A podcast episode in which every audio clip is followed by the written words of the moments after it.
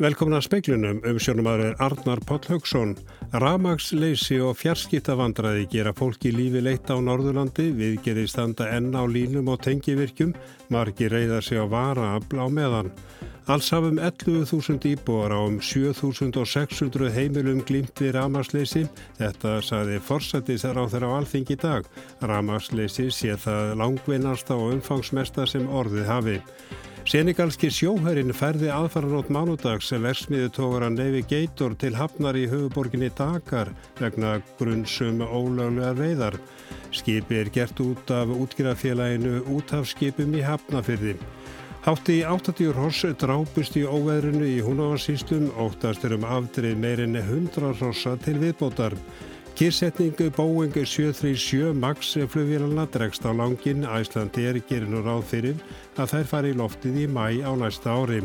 Erlendi ríkisborgarar hér á landi er nú orðinari 50.000 sangvandi nýjum tölum frá þjóðskrám.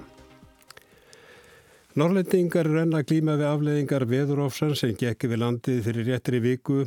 Við gerðum á línum er hverginar í lokið. Ramasnotendur finna fyrir trublunum meðan við gerð fer fram.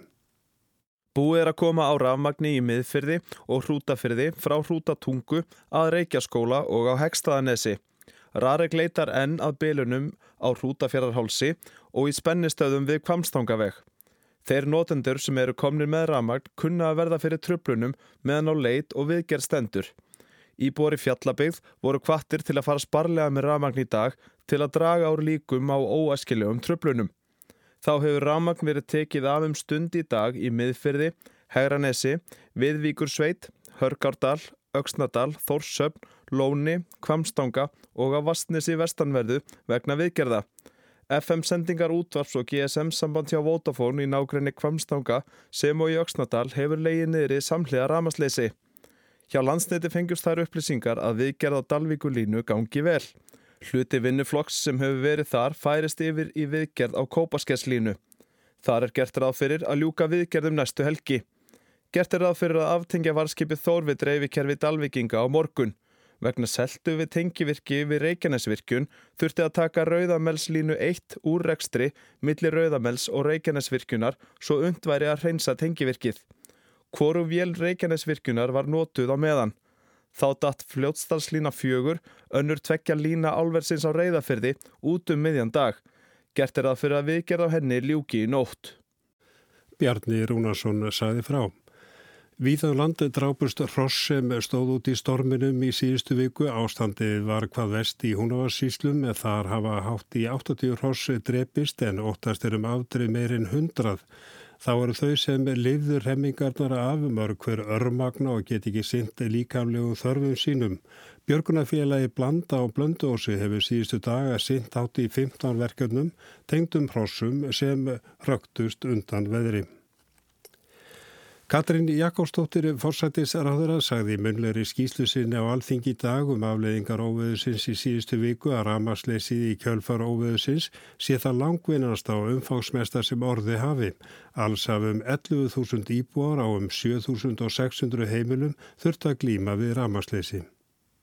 Þetta var ekkert venjulegt veður en það breytir því ekki að veðrið minnir okkur á hvar við búum, að við getum alltaf átt von á slíkum veðrum og verðum að vera undirbúin þegar þau ganga yfir, jafnvel þó að þau séu ekki sem betur fer á hverjum degi. En um leið þurfum við að horfast í augu við það að þetta veður og aflengar þess afhjúpuðu veikleika í okkar innviðum sem við verðum að bræðast við.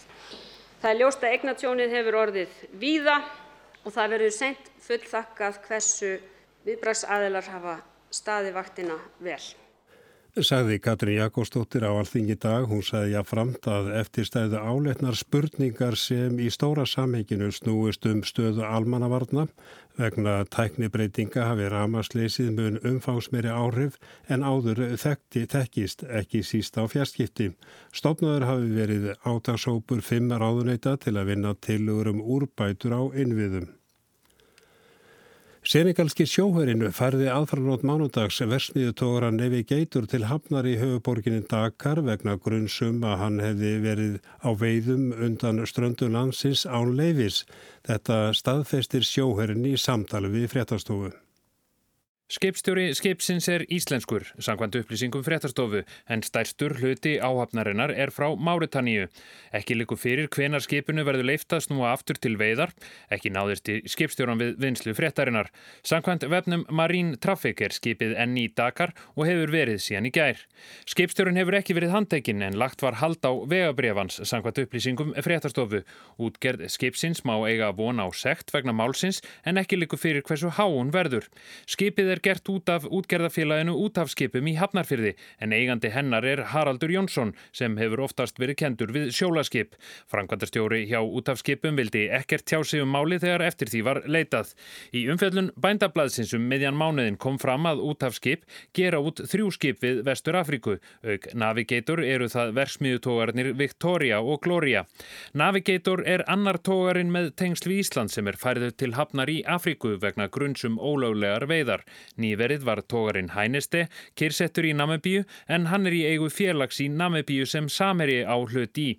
Íslenskur skipstur í tógarans var sakaður um að hafa siltónum inn á lokað svæði. Freyr Gíja Gunnarsson sæði frá.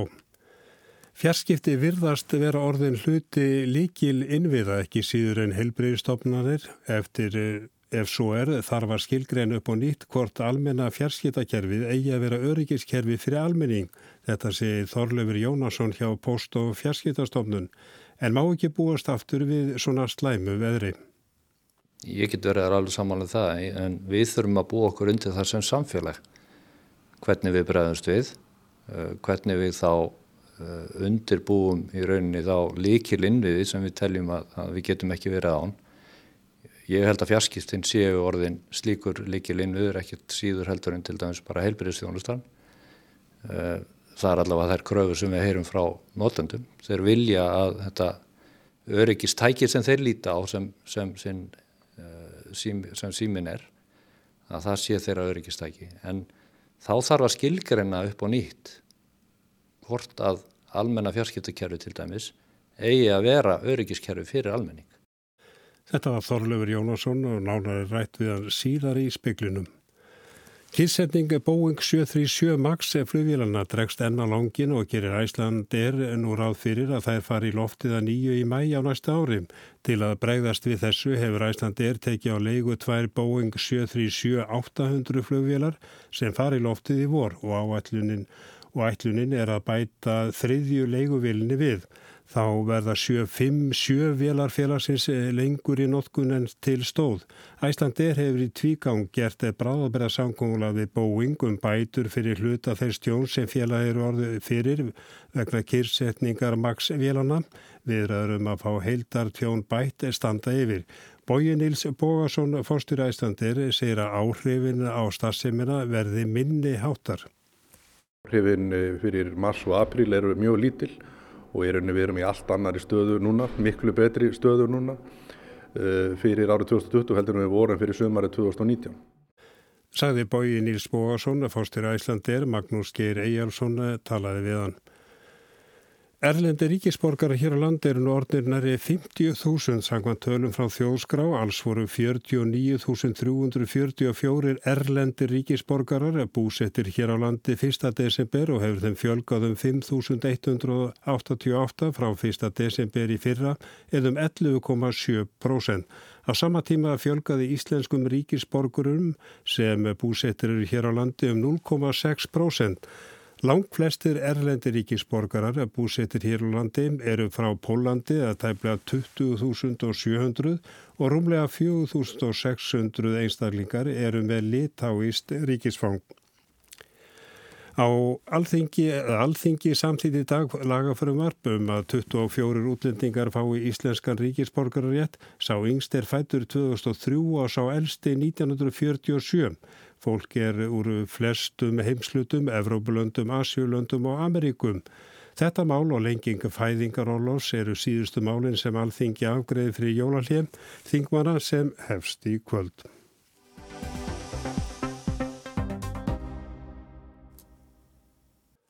Fórstuðumöður hjá Post- og fjarskiptastofnun segir að ef ákvörðu verður tekjun um að almennu fjarskiptakerfin eigi að virka sem öryggis fjarskiptakerfi fyrir landsminn þá þurfu fjármang til þau þurfa fjármagna þau eh, töluvert meira. Engi sérstök lög eru til um öryggis fjarskiptakerfin en eh, er stopnunin búin að gera sig grein fyrir umfangi tröflanina sem urða á fjarskiptakerfinu. Þorlefur Jónasson er forstuðumar tæknideldar pós og fjarskiptastofnundar. Við höfum ekki heildar niðurstöður um umfangið en við vitum það að þetta var viðtækt og það er rauninni þar sem að rámasleysi var, það er að á hluta vestfjara, á, á eh, Norðurlandi, Norðausturlandi og yfir á Östuri. En nú þú sjálfur sagt að uh, þetta sem gerðist uh, sé án fordæma að bendir það ekki til þess að núna sé verk að vinna og það sé víða pottur brotin?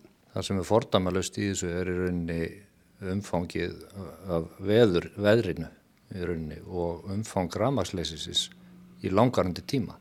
Það höfum við ekki séð áður og það er eðlilegt að það hafi áhrif á fjarskiptakerfin þau hafa ekki nema ákveðin upp í tíma á varafli. En uh, ég spurði líka, er ekki verk að vinna, er ekki víða pottur brotin þegar kemur að bílunum eða tröflunum á fjarskiptakerfinu? Þá er, er rétt að taka fram að fjarskiptakerfin eða fjarskipta innviðinir þeir stóðust álöpið. Eru engar skemdir á fjarskipta virkjónum.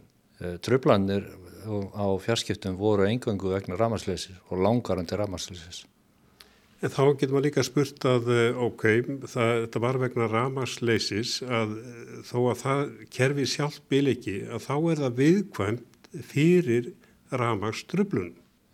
Það er viðkvæmt fyrir langvarandi ramarsleisi, það er alveg rétt og það ávið um fleiri innviði í landinu. En, en við erum ekki framleiðundur ráorku, þannig að eðlilega verða ráorku kerfin, eða fjarskipta kerfin fyrir tröflunum þegar það er svona viðtækt ramarsleisi lengi. En uh, nú er talað um það að uh, já, það er aflvélar eða uh, aflvélar eða hvað nú heitir að uh, það er dugið svo lítið, þarf ekki í ljósi þess sem gerist núna og hugsan að það gerist aftur að vera meira vara afl. Nú er, er það svo að almennu fjarskiptakerfin, þau eru reygin á markaslegum fórsendum. Fjarskiptafélögin sem það er eigi hlut, þau gera sínar áallanir, uh, áhættu mat og setja sér síðan við miðvarandi vara afl eftir þeirri þjónustu sem þeir eru að bjóða.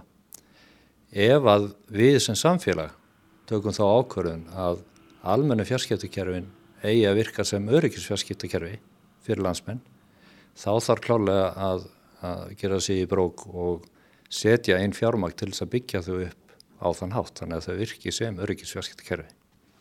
Þú talar um auki fjármagn en uh, nú kom, hefur komið fram að uh, já, fjarskiptastofnun að það eru nánast enga reglur um eða lög um fjarsk, fjarskiptin sjálf og hvaða gröfur eiga að vera fyrir hendi þarf jafnvel að breyta reynlega lögum og reglum.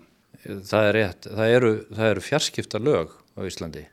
Þau gilda um almenn fjarskiptakerfi og þar gilda þá gildir það að fjarskipta félagin þurfa að setja sér þá ákveðin viðmið varandi upp í tíma Það eru hins vegar ekki til neins sérstök lög um öryggisfjarskiptakerfi.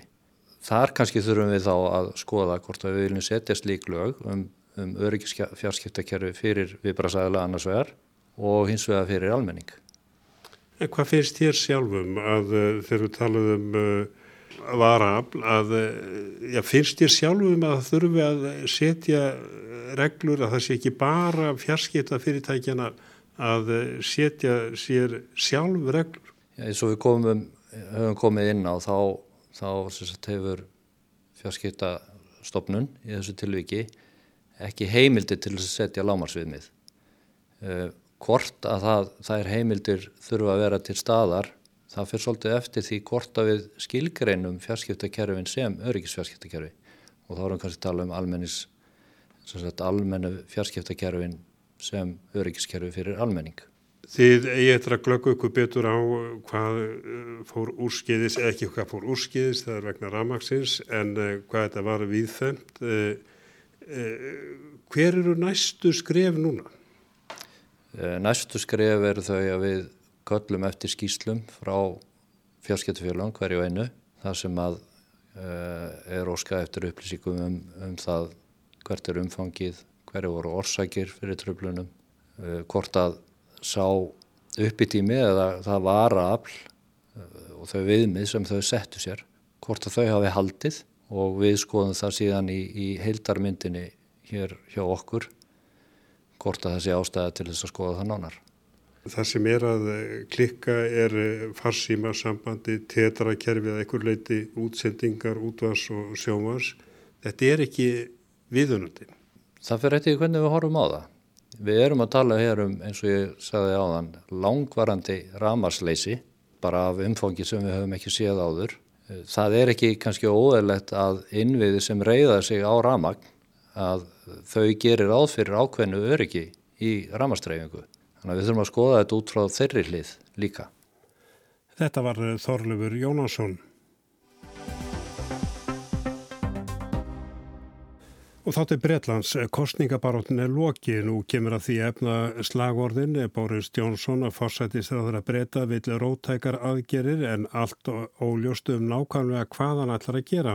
Kanski tátt rangt að pundi styrtist þegar styrkur meiri hluti í erflóksins lág fyrir en hefur svo veikst aftur að samaskapi því brexit vegferðin í gæti en endaði í samninslausri útgöngum óvissunum sín og stefnu forsætistar á þeirra, bæði um brexit og annað svífur yfir vötnunum.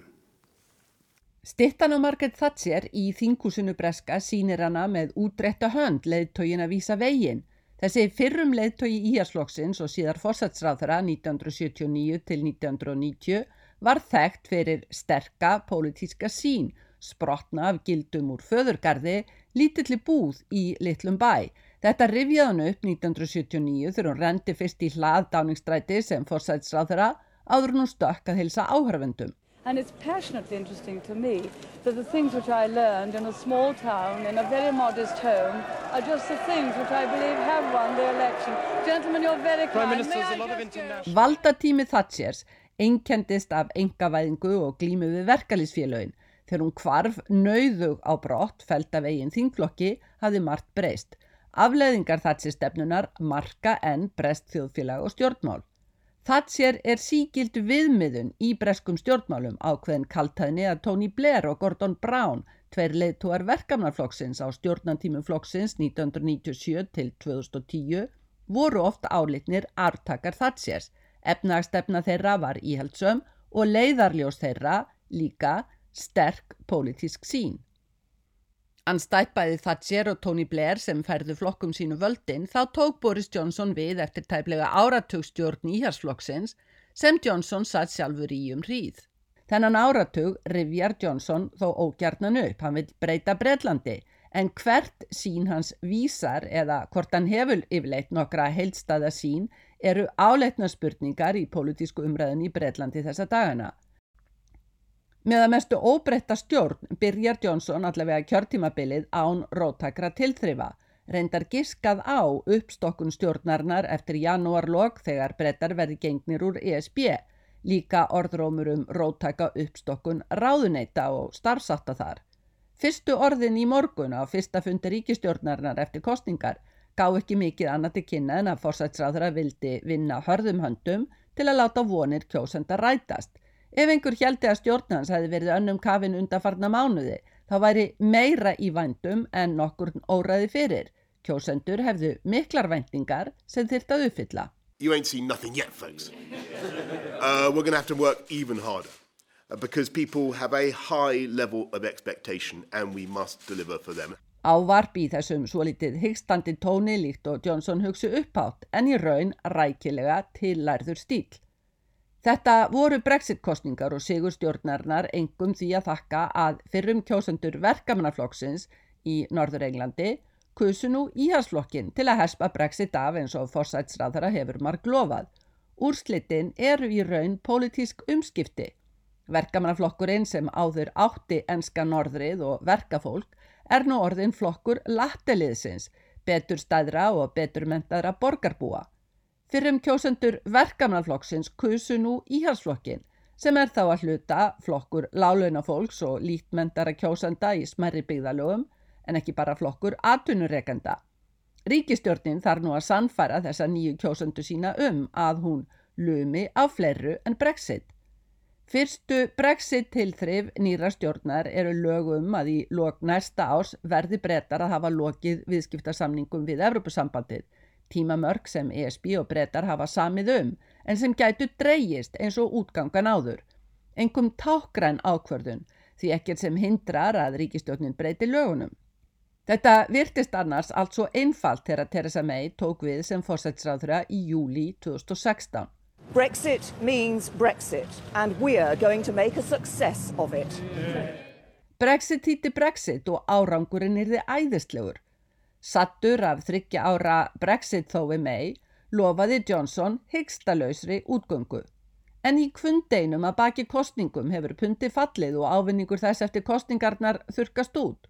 Óvissan aftur uppi um hver sé eiginlega Brexit stefna fórsætsraðra hvort hann kannski hugleiði sem fyrr samningslösa útgöngu og Johnson blæs á allar ábendingar um að setni hluti viðrænana um framtíðar fyrirkomulægið verði mun erfiðari og tímafrekari en þessi fyrsti hluti sem hefur tekið vel á fjórða ár. Kanski skýrist þetta með stefnuröðin á fymtudaginn en vandir er enn sá að þrátt fyrir kókraustar yfirlýsingar er enn ekkert fast í hendi, hvorki um brexit nýja annað. Og já, kjósendutin í norðri vilja meira en bara brexit. Sigrun Davísdóttir saði frá. Guðmundur Ingi Guðbrandsson um hverjusráþara segir óásættanlegt að ríki heims get ekki komast að niðurstöðu í mikilvægum málum og lofslagsmálum.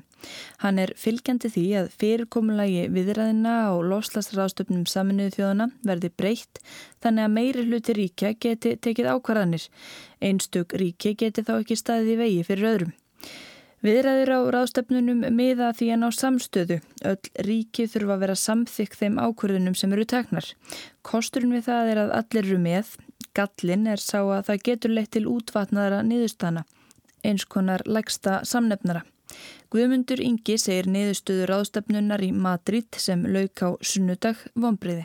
Maður skennja svolítið að það kannski skorti á það að ákveðin ríki, sérstaklega ríki sem að hafa áður látið sig þessi mál miklu meira varða eins og Bandaríkin, Brasili og, og fleiri eh, takja meiri fórustu en ég held að það sé kannski. Það taka náttúrulega enga fórustu, það var ekki að sjá allavega í þessum viðræðum. Nei, akkurat, það sem ég ætlaði að koma inn á að, að ég held að við getum ekki búist því eins og stjórnmála ástandið og, og þeir leiðtóar sem að þar eru núna Um, eins, og, eins og þeir í rauninni þau skilabóð sem að þau, þau senda inn á þessa fundi. Þannig að þá reynir meira á önnu ríki eins og ríki Evrópusambandsins og, og fleiri. En ég held að þetta sé eina af ástæðunum fyrir því að við erum ekki að ná þeim árangri sem að við þurfum að ná. Og það svona veku líka upp spurningar hversu skilvirt þetta kerfi okkar er þetta kerfi alþjóða samninga þetta er ekki eini samningurinn á sviðu umhverfismála þar sem að um, það þarf að ná eh, samþykki allra til þess að ákvarðanir nái í gegn. Og það hefur verið umræða á alþjóða vettvangi og svona í fræðunum um það hvort að það eigi að breyta þessum samningum með þeim hætti að það þurfi til dæmis einungis meiri hluta eða, eða aukin meiri hluta eins og tvo þriðju ríkja til þess að geta komið ákverðunum í gegn. Og ég personulega er að mörguleiti fylgjandi því að skoða slíkt uh, í framtíðinni eða, eða, eða sem fyrst. En ég held að það sé ekki mikill stuðningur við það vegna þess að allt snýst þetta nú líka um sjálfsákverðunar rétt þjóðana og ríkjana um það hvaða ákvarðanir eru teknar og hvaða áhrif það hefur á þær en þegar maður er að horfa á jafn stór mál og jafn uh, alvarleg mál og lofslagsbreytingar þá í rauninni er það uh, óásættanlega útkoma að við getum ekki náð niðurstöðu í málum eins og þessum.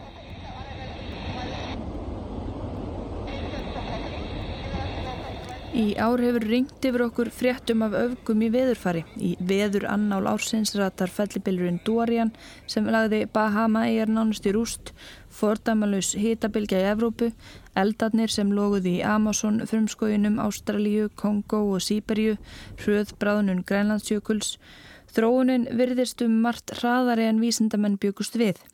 Mótmælarhefingar hafi verið ábyrjandi ár og Oxford orðabókin Breska valdi orðasambandið neyðar ástandi í lofslagsmálum orð ársins. Það tala margir um róf á milli viðræðinana í Madrid og þessum að vísindin segja okkur.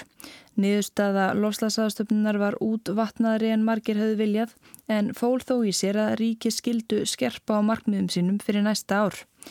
Erfiðustu málin eru enn óleist. Ekki tókst að samþykja regluverk um kólefnismarkaði, heldur ekki reglur um bókald og skýslugjöf og ríki komu sér ekki saman um hvernig skildi fjármagna aðgerðir í þróunarlöndum og aðstóðu við að takast á við afleðinga lostasbreytinga. Það steikti á nákvæmlega sumu málum á ráðstöfnunni Katowice í Pólandi í fyrra.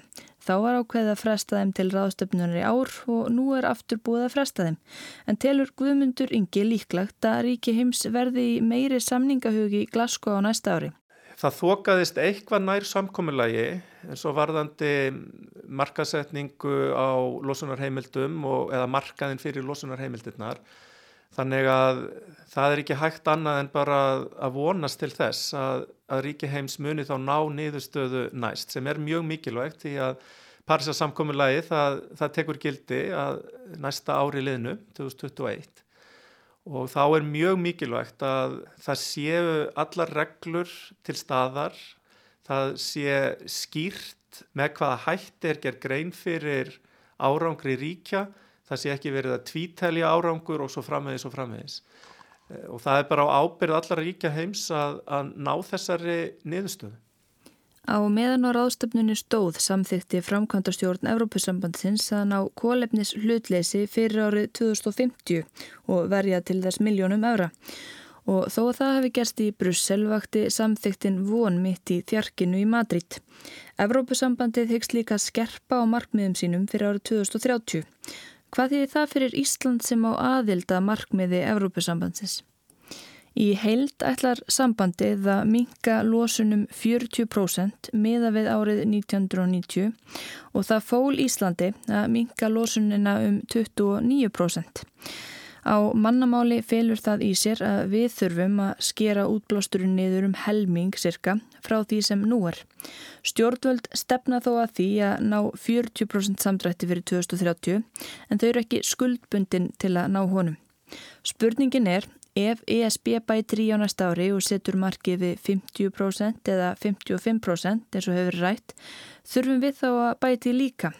Umhverfisráð þeirra vil fylgja Evrópusambandinu því að Evrópusambandið er það ríkjasamband sem að hefur sett sér einna metnaðar fylstu markmiðin. Ef að Evrópusambandið hækkar, segjum upp í 55, þá finnst mér sjálfgefið að Ísland lítur að hækka líka. Það kvílir mikil pressa á breytum sem eiga að stýra loslasáðstöfnun í Glasgow á næsta ári. Jennifer Tolman, loslassérfræðingur hjá hugveitinu E3G, segir að bresk stjórnvöld þurfi að vinna traust Kína og Indlands og fullvisa þau um að önnur ríki styðji við þau með efnaðaslegu samstarfi og sína þeim að allir hyggist róa í sömu átt. Það skiptir líka miklu máli hvað kemur út úr viðræðum Kína og Evrópusambatsins. Búða hefur verið til leðtúa fundar þeirra í Leipzig í Þískalandi í september á næsta ári. Bandaríkin og Kína funduðu í aðdraðandar aðstöfnunar í París 2015 og undirrituðu sáttmála sem var þeirna hortsteinum samkominnlagsins. Því eru vonir bundnar við fundin í Leipzig. Arnildur Haldunardóttir rætti við Guðmund Inga Guðbrandsson og lengri útgáfu er að finna á rú.is og við ljúkum þessu á gleði frétti sangvat upplýsingum frá Rarik fyrir nokkru mínutum var þá hvergi ramaslust í landinum. Mark Eldreit var tæknimari kvöld verið sæl.